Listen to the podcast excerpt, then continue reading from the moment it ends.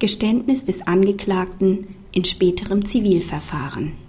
Hat der Angeklagte im Strafverfahren ein Geständnis abgelegt, so kommt diesem in einem anschließenden Zivilrechtsstreit keine Bindungswirkung zu, sondern es ist lediglich im Rahmen der freien Beweiswürdigung nach 286 ZPO zu berücksichtigen. Der Angeklagte war wegen Körperverletzung zu einer Freiheitsstrafe von zwei Jahren verurteilt worden. Dabei hatte er im Strafverfahren die Tatvorwürfe durch seinen Verteidiger größtenteils eingeräumt. In einem anschließenden Zivilverfahren verlangte die Klägerin Schmerzensgeld für die im Strafurteil abgeurteilten Taten. Das Landgericht Köln wies die Klage jedoch als überwiegend unbegründet ab, weil es die im Strafverfahren getroffenen Tatsachenfeststellungen, insbesondere das Geständnis des Angeklagten, als für das Zivilverfahren nicht bindend ansah.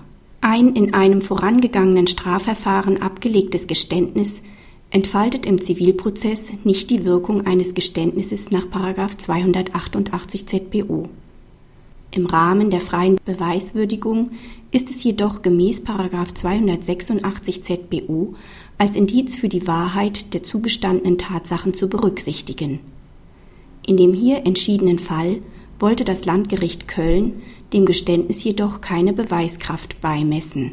Dies begründete es zum einen damit, dass sich das Geständnis in einem pauschalen Einräumen der Vorwürfe aus der Anklageschrift erschöpfte, ohne substanziiert auf die Details des Sachverhalts einzugehen. Nach Ansicht des Landgerichts wäre das Strafgericht verpflichtet gewesen, die Äußerungen des Angeklagten nicht ungeprüft seinem Urteil zugrunde zu legen, sondern weitere Nachforschungen zu betreiben, zumal sich die Klägerin im Strafverfahren auf 55 StPO berufen und keine Angaben zur Sache gemacht hatte. Außerdem wich der Sachvortrag der Klägerin im Zivilverfahren erheblich von den im Strafverfahren erhobenen Vorwürfen ab. Schließlich hatte sich der Angeklagte im Zivilprozess, anders als im Strafverfahren, umfangreich und substanziiert zu den einzelnen Vorwürfen geäußert und sie dabei nur in sehr geringem Umfang eingeräumt. Praxishinweis das Landgericht Köln verweist in seiner Entscheidung auf die Vorzüge des Adhäsionsverfahrens gemäß Paragraphen 404 fortfolgende StPO für die Opferseite.